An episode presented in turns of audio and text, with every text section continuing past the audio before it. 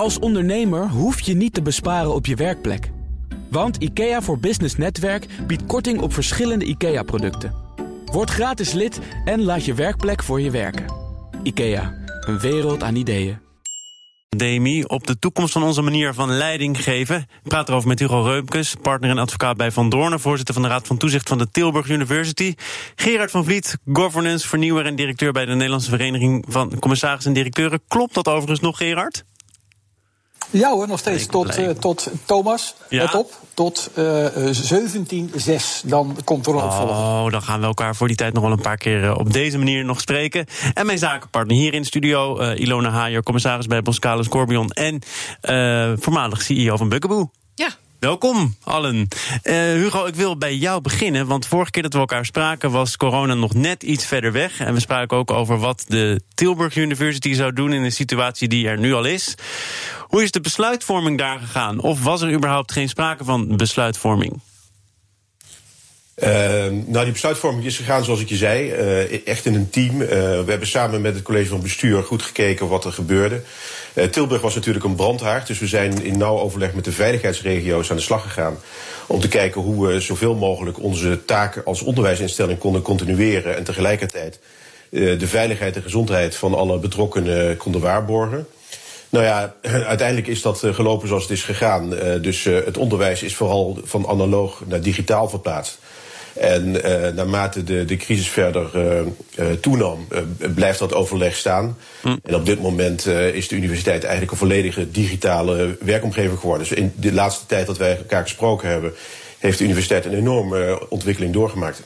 Maar is dit, hè, die uh, besluitvorming, we gaan van analoog naar digitaal, is dat iets waar je als universiteit zelf nog iets over te zeggen hebt? Of neemt de Veiligheidsraad, neemt uh, de, de Veiligheidsraad, zo moet je dat volgens mij niet zeggen, toch? Nee. Maar of neemt de politiek het over? Uh, nee, de politiek zit alleen op de, de, de veiligheid en de gezondheid. Dus wij, wij zijn zelf als universiteit verantwoordelijk voor het uitvoeren van die wettelijke taak. En, uh, maar dat gebeurt steeds in goed overleg. Dat is eigenlijk wat je voortdurend ziet in deze crisissituaties. Dat je met elkaar heel snel moet schakelen. De lijnen moeten kort blijven. En uh, je moet als team opereren. En dat is hier ook gebeurd. Zo zijn we op dit moment nogal druk met onze studenten die nog in het buitenland zijn. Om te zorgen dat die, dat die goed ter plaatse kunnen wonen en, en leven. Of dat ze zo snel mogelijk terug nog komen naar Nederland. Ja. Ilona, bij Boskalis bijvoorbeeld heel praktisch. Daar moet ja. je de agenda gaan herzien, denk ik. Hè? Bijvoorbeeld ja. de AVA. Ja, dat hebben we ook gedaan. Uh, we hebben gisteren, eergisteren naar buiten gebracht dat uh, in het geval van Boskalis de AVA van, uh, van 13 mei verplaatst is naar 30 juni. Dat was statutair de grootste rek die, die we konden, konden maken. Dus de, die stap is daar al gezet. En bij Corbion zijn we ook in overleg. Ja, doen jullie nog iets wat lijkt op business as usual of helemaal niet? Jawel, ik, uh, ik kan melden dat ik uh, in bijvoorbeeld de Science and Technology Committee zit van Corbion, waar we ook deze week uh, overleg hebben naar aanleiding van de nieuw gepresenteerde strategie van het bedrijf over hoe we dat dan vervolgens gaan inrichten en opnieuw gaan aanpassen. Dus ja, het is een meersporenbeleid op dit moment. Hè, en, en, en deels moet door, want er komt ook weer een tijd na corona. Ja. En deels stopt of, of gaat anders nu. En dat is situationeel leiderschap, zeiden we net. Nou, maar ik vraag het ook omdat wij uh, bij dit programma natuurlijk ook allemaal gasten hadden uitgenodigd voor de komende week en voor deze week zelfs al. En mensen zeggen, ja, ik kan hier wel gaan praten over mijn bedrijf, dat ook nog beursgenoteerd is, maar het heeft helemaal geen zin. Want wat ik nu zeg, dat kan morgen volledig achterhaald zijn. Dus, dus ik zie daar vanaf en daar moeten we denk ik ook maar begrip voor hebben. Uh, maar bijvoorbeeld als je nu dan een strategie uh, presenteert met, met waar je als bedrijf naartoe wil, dat moet je dan toch eigenlijk meteen herzien? Nou nee, dat hoef je niet meteen te herzien, want de strategie gaat natuurlijk wel over langer termijn. Mm -hmm. uh, maar dat er impact zal zijn, hoogstwaarschijnlijk, uh, is is ook waarschijnlijk waar. Uh, en wat die precies is, is nog niet te overzien. Dus die strategie, die lange lijn, die, uh, die blijft wel liggen. Wat voor soort bedrijf ben je? Waar, wat zijn je core competenties? Waar stel je op in? Enzovoort, enzovoort. Um, en je moet nu op korte termijn schakelen. En, uh, en dat heeft ook prioriteit. Dus als dit zo meteen hopelijk voorbij is, dan moet je de netten gaan ophalen. En dan moet je even kijken, waar staan we nu? En wat betekent dat voor die strategie? Of de timing van de strategie? Dat, dat zal zeker gebeuren. Ja, Gerard, hoe kijk jij naar plannen die bedrijven nu presenteren en of ze dat nog moeten doen en welke doelen bedrijven nu moeten stellen in deze crisisperiode? Nou kun, je, nou kun je van elk businessplan zeggen dat het nooit waar is van datgene wat erin staat. Dus je moet inderdaad gewoon inspelen op de omstandigheden die er zijn. En uh, wat mij betreft mag je best een punt op de horizon zetten. Al was het alleen maar omdat dat voor iedereen helder maakt welke richting jij uitdenkt. En uh, of dat überhaupt ooit gehaald zal worden, is sowieso al twijfelachtig. Uh, en dat zal door deze omstandigheden alleen maar anders worden. Dus wat mij betreft is het heel goed om te blijven denken aan de toekomst. Uh, niet om net te doen alsof er niks verandert, maar wel om gewoon een richting te hebben waarin je wil denken. Hoe, hoe, komen bijvoorbeeld de raden van commissarissen, raden van bestuur nu bij elkaar? Ehm, ja, niet, niet, neem ik aan, fysiek? Nee, en, en dat, dat, is overigens in internationale bedrijven ook niet altijd al het geval. Hè? Dus uh, bij Carbion hebben we bijvoorbeeld al vier nationaliteiten in, uh, in de Raad van Commissarissen alleen. En uh, daar wordt altijd getracht om fysiek bij elkaar te komen. Maar bijvoorbeeld qua het delen van documenten, dat werkt al lang digitaal. Dat zijn programma's als Diligent Board enzovoort. En in deze tijd is het inderdaad verschoven naar telco, Skype, Zoom, you name it. Gerard? Ja, het, het leuke is, je komt wel leuke dingen tegen hoor. Want je ziet dan toch wel dat het een wat oudere generatie is. Uh, waarbij secretaresses hier en daar nog wel een verrichten. ja, ja, nee, ik bedoel jou niet heel Maar je weet, het gemiddelde leeftijd is nog steeds boven de 60 van uh, de gemiddelde commissaris. En uh, hopelijk daalt dat zeer binnenkort. Al was het alleen maar vanwege de digitale transformatie. Maar het worstelen met de iPad en Zoom, wat is dat? dat overkomt nu regelmatig. dus ik geef heel wat uitleg aan hoe dat dan werkt en hoe je dat zou moeten gebruiken. Dus, Steile leercurves nu. Ook, ja, ja, misschien is het een hele, wat, dat vind ik wel het voordeel. Iedereen leert nu een soort stresstest van uh, de digitale omstandigheden uh, kennen. Uh, ook of je bedrijf erop in kan spelen. En ja, er vallen denk ik wel een paar af die daar niet toe in staat zijn. Nou, dus, maar wij spraken net met Ben van den Burg. En die zei, ik word er knettergek van. We moeten zeker niet doen alsof dit efficiënt is. Met drie of vier mensen dan telefonisch even met beeld erbij vergaderen. En dan weten wij het allemaal met z'n vieren niet. Dan bellen we de vijfde erbij. Dan wordt het alleen maar gecompliceerder van. Ik vind zelf op deze manier radio maken ook echt aanzienlijk vermoeiender. Snap je dat? Ja, misschien komt dat omdat je moet luisteren, Thomas. Want dat zijn we wel met elkaar flink verleerd. Is, maar is dat een serieuze ondertoon trouwens? Niet, niet zozeer richting mij, Ja, dat is een, dat is een hele serieuze ondertoon. Want wij, wij, wij zijn heel slecht in luisteren. En we moeten nu onze beurt afwachten en dat ordenen. Uh, want het kan natuurlijk niet zo zijn dat iedereen door elkaar uh, Nee, maak er geen misbruik van, hè Gerard? Geen lange antwoorden graag. nou, ik, ik, ik, ik hoor al dat je begrijpt wat ik bedoel. Ja, ja precies. De, de, Hugo, kun je daarmee in meegaan? Dat we dus eigenlijk nu leren luisteren? Nou ja, je, moet je, niet, je, je kunt je bijna niet voorstellen hoe deze crisis zou zijn geweest uh, twintig jaar geleden, toen de digitalisering er nog niet was. Want dan hadden we echt uh, enorme problemen. Maar onderschat het niet. Uh, veel boards zitten nu echt met de handen in het haar hoe de liquiditeitspositie uh, op dagbasis uh, gecontinueerd kan gaan worden.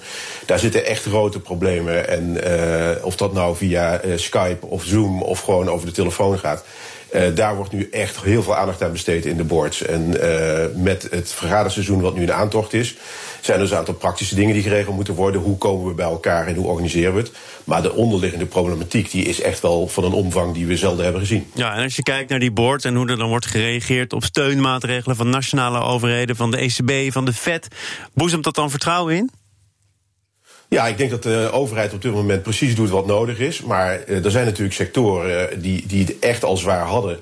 Ik noem bijvoorbeeld de retail. Ja, dit zou zomaar eens de, de doodsteek kunnen zijn. En dan hebben we het heel vaak in, de, in, in, in ons programma gehad over de komst van de Amazon. Ja. Maar, maar dit, dit, dit is ongekend. En, uh, en, en, en er, er komt natuurlijk een hele uh, stroom van problemen op ons af. Maar allemaal hebben ze op dit moment in deze fase van de crisis te maken met liquiditeit. Ja, we begonnen dit programma traditiegetrouw met Kees de Korte. En die zei, misschien komt er een moment dat je je moet gaan afvragen of uh, economie wel uh, voldoende aandacht krijgt. Hè. Er wordt nu heel veel ingezet en terecht, lijkt me politiek gezien, op uh, volksgezondheid. Op ervoor zorgen dat iedereen die het nodig heeft een, een bed kan krijgen. En dat virus te proberen in te dammen, beheersbaar te krijgen. Maar wat er daarmee gebeurt, zei hij, is we leggen de economie zelf op de intensive care. Gerard, kan je daarin meegaan? Nou, dat is een van mijn voornaamste overwegingen. Hoe lang hou je dit vol, economisch gezien? Uh, de rekbaarheid, het is zo'n stresstest van de hele economie. Niet alleen van banken, maar ook van bedrijven, van de hele economie. Van hoe, lang hou je dit vol zonder dat er echt slachtoffers vallen? Maar dan slachtoffers in de vorm van shakeouts, faillissementen, uh, mensen die hun baan verliezen. Want uh, de hele ZZP-markt, iedereen om me heen die in de ZZP-functie zit, die zit op dit moment gewoon van ja, we hebben niks meer. We zijn als de eerste zijn we buiten gezet. ja, hoe lang houden die mensen dat vol? En dat doe je niet door een bijstandsuitkeringje bij te spijkeren. want er zal heel veel aan de strijkstok blijven hangen in negatieve zin. Dus ik denk dat we er op enig moment toch. Hoe bedoel je dat? Hoe bedoel je dat? Want dat is, is een beetje een, invulling, denk ik, van wat er misschien nog niet aan de hand is. Dat er heel veel aan de strijkstok blijft hangen. Wat bedoel je daar precies mee? Nou ja, dat er dus heel veel mensen uh, uh, gewoon niet in staat zijn om het hoofd boven water te houden. In die zin dus niet in de strijkstok van dat ze misbruik maken van het ah, geheel. Maar, is, maar niet in staat zijn om te profiteren van de mogelijkheden, maar gewoon staan toe te kijken. Ja, nou, misschien om iets positievers eh, in te brengen. De voorzitter van MKB Nederland, Jacco Vonhoff, die sprak ik ook eh, uitgebreid deze week eerder. En die zei de verschillen tussen groot en klein bedrijf, tussen ZZP'ers en, en grote bedrijven van nationaal belang, die vallen eigenlijk weg, omdat iedereen begrijpt, we hebben elkaar nodig. Ilona, is dat een, is dat een wensdenken of zie je dat ook echt gebeuren? Ja, ik, ik zie het wel gebeuren. Ik denk dat we het allemaal ook in klein en groot om ons heen zien. Tenminste, ik wel. Of misschien wil ik het zien. Misschien ben ik zo'n positivo eh, in die, in die zin. Maar uh, je ziet toch ook eh, in deze tijden, zoals Rutger Bregman dan um, uh, vooral voor staat. Dat er ook goede dingen bovenkomen. En dat die saamhorigheid op een bepaalde manier eh, ook uh, naar boven komt. Ofwel, we gaan toch zo meteen met z'n allen boodschappen doen bij de buurtsupers en, en de retail om de hoek. Als het allemaal weer mag en kan. Juist omdat we ons nu realiseren hoe kwetsbaar ze zijn. Um, maar ja, je ziet ook grote bedrijven. En KLM is natuurlijk een voorbeeld ervan. Waar ook al 2000 man op straat gaan. Waar ik, ook vrienden van mij die daar werken, met 90% gereduceerd worden enzovoort. Maar we zitten we allemaal een beetje in hetzelfde schuitje. Dat maakt dan niet uit in die zin of je groot of klein bent. Ik proef dat wel, maar... Mm. Ja. Hugo, jij ook van een afstandje? Voel je die verschillen verdwijnen? Ja, en ik, wat, wat ik eraan wil toevoegen is dat. Uh, uh, kijk, als je, als je terugkijkt in de tijd, en hopelijk geldt dat ook voor de toekomst. degene die het, het snelste zich weet aan te passen aan de nieuwe omstandigheden. die zal daar heel goed uitkomen. Ook deze crisis biedt, biedt weer kansen op verschillende manieren. We hebben het nu over samenwerken, maar ook, ook voor ondernemers zijn er legio kansen die er straks weer, eh, weer komen. We moeten nu even deze moeilijke periode door. Maar degene die zich het makkelijkste aanpast aan die nieuwe omstandigheden, die zal daar echt zijn voordeel mee kunnen doen. En uh, ik zie nu al dat er bedrijven zijn die daarover nadenken en, uh, en, en, en vragen stellen van hoe zouden we dat kunnen doen? Wie kunnen we erbij betrekken? En dan is het inderdaad zo dat dat niet alleen maar multinationals hoeft te zijn, maar dat dat ook hele innovatieve uh, jonge ja. ondernemingen kunnen zijn die daarin worden betrokken. Ja, dat klinkt natuurlijk heel erg mooi. Maar als je kijkt naar de vorige crisis, 2008, ook voor een belangrijk deel een schuldencrisis. En dan zijn er nu ook alweer heel veel instanties die uh, nog voordat corona het thema was, die zeiden: ja, die schuldenberg, hij loopt alleen maar op. Hebben we hier wel genoeg van geleerd? Is er, Ilona, überhaupt wel lerend vermogen bij mensen, bij bedrijven? Is dat er in voldoende mate? Nou, weet je, ik vind het verschil tussen 2008 en nu, of een verschil, laat ik het, laat ik het zo zeggen, dat het komt nu zo dichtbij. Het wordt zo persoonlijk voor iedereen, wie je ook bent. En dat was bij die financiële crisis niet per se waar. Dat was voor een grote groep mensen ook een abstracte crisis. Uh, ook al voelden we het op, op allerlei manieren ook wel, maar toch. Dit wordt zo persoonlijk en komt zo dichtbij. En dat vind ik een heel groot verschil. En als je alleen al ziet wat de afgelopen dagen gebeurd is en hoe snel wij ons gedrag aanpassen, dat is leren. Hoe snel wij schakelen, hoe snel opeens onder druk wordt alles vloeibaar. Iets wel kan wat lang niet kon. Um, dus ik, ik denk dat er lerend vermogen is. Ik hoop in ieder geval dat er lerend vermogen is. vooral is. omdat het nu persoonlijker is. En dan ben je ja, eerder geneigd om het komt, vast te houden. Ik denk het wel. Het komt echt dichtbij. En het is niet een abstract iets. En, uh, en, en het komt zo dichtbij dat je ook iets moet. Iedereen moet iets doen nu. Hè, aanpassen. En, en dat alleen al, denk ik, uh, zou ik zeggen, maakt het verschil. Gerard, heb jij er fiducie in? Nou, ik, twee, twee opmerkingen daarbij. De ene is, kijk eens even naar mensen die een hartafval gehad hebben. Hoe snel die weer in oude gewoontes vervallen op het moment dat de hartafval weer even voorbij is. Uh, dus ik ben altijd heel benieuwd naar de bestendigheid van verandering van gedrag. Dat is een van de moeilijkste dingen die er uh, in het leven zijn. En de tweede opmerking is, er is een verschil tussen moed met een T en moed met een D. Als we met elkaar die T hanteren, dan is de negatieve verandering. En dan hebben we de neiging om snel weer terug te gaan naar het oude. Als je het met een D ziet, dan, heb dan komt het lef boven water. Van jongens, we hebben het zien aankomen. We zijn vroegtijdig erbij geweest. We hebben geanticipeerd. Bedrijven die nu overleven, Hugo zei het al, die gaan heel snel veranderen van mogelijkheden. Maar die hebben ook eigenlijk een scenario, een contingency plan uh, klaar liggen. Die weten al wat er gaat gebeuren als je dit soort dingen doet. Die hebben plannen gemaakt uh, op basis van eerdere ervaringen die er zijn. Dus het is gewoon, ik ben gewoon heel benieuwd wat er blijft hangen. Uh, of dat nou hand, handdruk is die we elkaar niet meer gaan geven en laat staan huggen. Uh, of alleen maar ellebogen of knietjes. Ik ben heel benieuwd wat er blijft hangen. Ja, ik, ik ga ook wel met Gerard mee in de zin van. Hè, de gedrag is het moeilijkste om te veranderen. Dus ja, natuurlijk. En. En ook een aantal dingen waren al in gang gezet, systemisch. En dan kunnen we op inzoomen. Maar en ik vermoed ook dat daar toch een aantal zaken nu van in de versnelling komen. Uh, omdat we nu ervaren wat het is als, uh, als het niet werkt. Uh, en of dat nou is klimaat, of we hebben het eerder gehad over risicospreiding van fabrikage, maakindustrie, industriepolitiek. dus dus, dus ik, ik ben hoopvol dat, dat we daar wat sneller doorschakelen dan we anders hadden gedaan. En er zullen ook gebieden zijn waar we wellicht wat achterop raken, omdat het geld op is, omdat we een aantal dingen even niet kunnen doen. Uh, Ilona begon deze uitzending met haar eigen nieuws. Ze wilde nog aandacht vragen voor uh, minister Bruins, die gisteren uh, een flauwte had. Terwijl hij in debat was met de Tweede Kamer. oververmoeid, te veel gewerkt, dagenlang in touw. Hugo, denk je dat er ook binnen bedrijven misschien wel CEO's zijn of andere bestuurders die. natuurlijk misschien niet vergelijkbaar met de verantwoordelijkheid van een minister in deze situatie, maar die toch zoveel druk voelen dat ze daar, dat ze daar misschien wel ook uh, vanuit gezondheidsoverwegingen goed over na moeten denken: hou ik dit nog vol? Of, of is dat op dit moment wellicht nog niet aan de orde? Ik denk juist dat het een heel belangrijk onderwerp is. We hebben het ook uh, bij mijn kantoor uh, belangrijk op de radar staan. veel jonge mensen hebben de zorg over jonge kinderen. sommigen hebben een partner die in de zorg werkt. En je moet echt oppassen dat je niet aan de ene kant de kinderen verzorgt... en aan de andere kant probeert om alles wat, wat in brand staat te blussen. En tegelijkertijd dat onder druk nog misschien wel een paar weken moet gaan volhouden. Dat doet iets met mensen, dus we proberen daar ook echt een, een vangnet voor te creëren. En te zorgen dat iedereen op tijd rust neemt, goed eet, goed slaapt... En, en zich gewoon goed voorbereidt op de mogelijkheid... dat dit nog wel eens wat langer zou kunnen gaan duren dan we op dit moment zelfs denken. Ja, Gerard, is dit inderdaad nog een onderwerp dat onderbelicht is? Of moet je hier als uh, nou, belangrijke bestuurder je, je, gewoon maar tegen kunnen? Ik denk dat je echt snijdt in de essentie van wat er aan de hand is. Uh, heel veel van de problemen die nu met mensen plaatsvinden, is omdat ze het weerstandsvermogen niet hebben. Daarom gaan ook heel veel ouderen eraan onderdoor.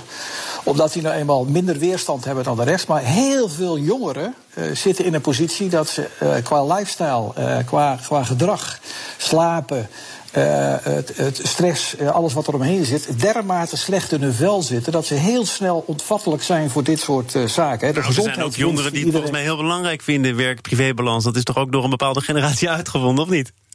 Nou, ik, ik, geef je te kost uh, die het niet doen. Er zijn inderdaad uh, best wat bewuste uh, keuzes die je kunt maken. Maar ik zie in de praktijk, hè, ik, ik, ik, bij bedrijven zitten met name die gezondheid.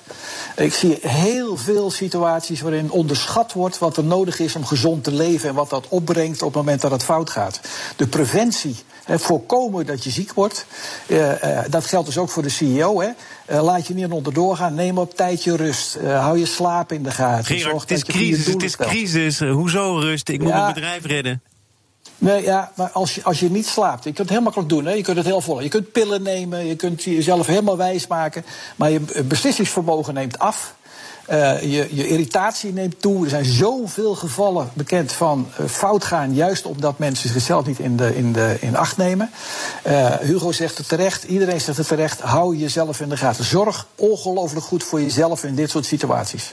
Ja, ik denk, ik helemaal mee eens en ook mentaal. En, en even over de, ra, de rol van een, een, raad van commissarissen in deze tijd. Kan ook hier liggen. Hè? Uh, in de check van hoe zorgt een CEO of, of een raad van bestuur of een partnergroep nu voor zichzelf. Uh, en dat daar ook een rol is weggelegd nu in deze tijd. Is de mentale gezondheid oké? Okay? Is de fysieke gezondheid oké? Okay? En hoe wordt dat, uh, hoe wordt dat ingericht maar, ten bate van, van het bedrijf? Hoe, hoe zie je dat voor je dan als een raad van commissarissen daar twijfels over heeft? Nou, Nou ja, dat hoeft nog niet eens te beginnen met twijfel. Maar het kan zijn. Ik zal je vertellen. Ik heb vanochtend Boskalis opgebeld, uh, assistent van de CEO. Hoe gaat het met je? Hoe gaat het bij jullie? Ja. Hoe zijn jullie georganiseerd? Wat doen jullie? Kan ik iets doen? Al is het een luisterend oor. Ik bedoel, zelfs dat soort zaken. Um, een sparringspartner zijn, overleg, even tussendoor, even informeel. Het hoeft niet twijfel te zijn, maar het kan al daar beginnen. Ja. Ja, Hugo, is hoe is dat bij jullie binnen de, de, de partners? Uh, de, uh, uh, gewoon oprechte belangstelling voor mensen, maar misschien toch ook her en der een adviserende rol. Uh, we hebben zelfs uh, aan het eind van de dag, zo om een uur of negen, uh, dat we oh, met z'n allen. Aan het eind van de dag om een uur of negen. nou, gaat goed. Dat zijn normale nou werktijden. Als we, als we, gegeten hebben met de gezinnen en oh, alles okay. hebben gedaan, dat we nog even elkaar bellen en, en, en ook eigenlijk crossovers maken en, en elkaar gewoon eventjes. Uh, ja, anekdotes vertellen en hoe het gaat en waar je tegenaan loopt. En, uh, want nogmaals, het, het persoonlijk contact zorgt er ook uiteindelijk voor. Dat is de kracht van een, van een partnership zoals wij die hebben, dat we daar gebruik van kunnen maken. En, en wat hier ook wordt gezegd, dat wordt nu goed getest. Dus hoe sterker je als, als partners onderling functioneert en hoeveel oog je voor elkaar hebt in elkaars situatie, hoe beter het is. En dat helpt je ook om uiteindelijk beter voor de klanten en voor, voor de medewerkers te zijn. Gerard, jij zei eerder tegen de redactie hier van BNR: dit, dit is een moment voor een commissaris om op te leven, om op te staan. Maar, zei je erbij, ik zie toch ook nog veel wegduikers. Wanneer is een commissaris een wegduiker? Nou ja, kijk, je, elke panieksituatie, elke stresssituatie zie je dat mensen het oude, oude dingen, vechten, vluchten of, of, of bukken. Uh, ik, ik, zie ook veel mensen die zoiets hebben van shit, hoe ga je hier nou mee om? Dus die, stellen, die, die gaan mee in de, de paniek. In plaats van even rustig achteroverleunen, even kijken wat kunnen we met elkaar doen. We, hè, dus ook met elkaar. Dat geldt voor de Raad van Bestuur, dat geldt voor de directie, dat geldt voor de uh, Raad van Toezicht. Hoe je ook maar in je vel zit. En je kunt er heel verschillend op reageren. en dat is mooi om te zien in de praktijk en de contacten die ik nu heb. Dat mensen je om raad vragen, hoe ga je hiermee om? Dat je denkt van ja, maar dat zou je toch zelf al moeten weten hoe je hiermee omgaat. En dat is niet van even toetsen, nee, gewoon concreet vragen hoe moet ik hier nou mee maar omgaan. Is het niet heel goed om dat ook juist met anderen te bespreken hoe je hiermee om moet gaan? Behalve dan ervan uitgaan dat je het zelf wel weet? Dan is het dan is het toetsend. Hè, van ik denk dat ik dat dat moet doen. God, uh, heb jij ervaringen mee hoe je dat kunt oplossen? Uh, maar het is vaak een hele kale vraag. We hebben de antwoord niet. Zeg het maar. Ik zou er bijna dit programma mee willen afronden. Ik denk dat ik dat ook ga doen. Dank voor jullie uh, bijdrage aan dit panel. Hugo Reumkes, partner en advocaat bij Van Doornen, voorzitter van de Raad van Toezicht bij de Tilburg University. Gerard van Vliet, uh, governance vernieuwer en directeur bij de Nederlandse Vereniging van Commissarissen en Directeuren tot medio juni. En hier in de studio was mijn zakenpartner Ilona Haier, commissaris bij Poscalis en Corbion. Voormalig CEO van Bugaboo, dat zeg ik er ook nog even bij. Nou. Uh, we gaan uh, elkaar dan hopelijk deze weken nog wel zien. Uh, fijn dat je er vandaag was. Morgen dan is uh, Rob van der Wiel te gast. Hij is de directeur van MEC Maastricht. Ja, dat is de locatie van de internationale kunstbeurs TEFAF... die door corona voortijdig moest worden afgebroken. En er zullen nog wel wat meer evenementen gecanceld zijn de komende maanden. Kijken hoe je dat kan opvangen. Dat morgen in BNR Zaken doen. Zometeen is het eerst tijd voor Nieuwsroom. Dat is onze dagelijkse podcast van het FD en BNR. Gepresenteerd door Mark Beekhuis. Veel plezier, tot morgen. Als ondernemer hoef je niet te besparen op je werkplek. Want IKEA voor Business Netwerk biedt korting op verschillende IKEA-producten. Word gratis lid en laat je werkplek voor je werken. IKEA, een wereld aan ideeën.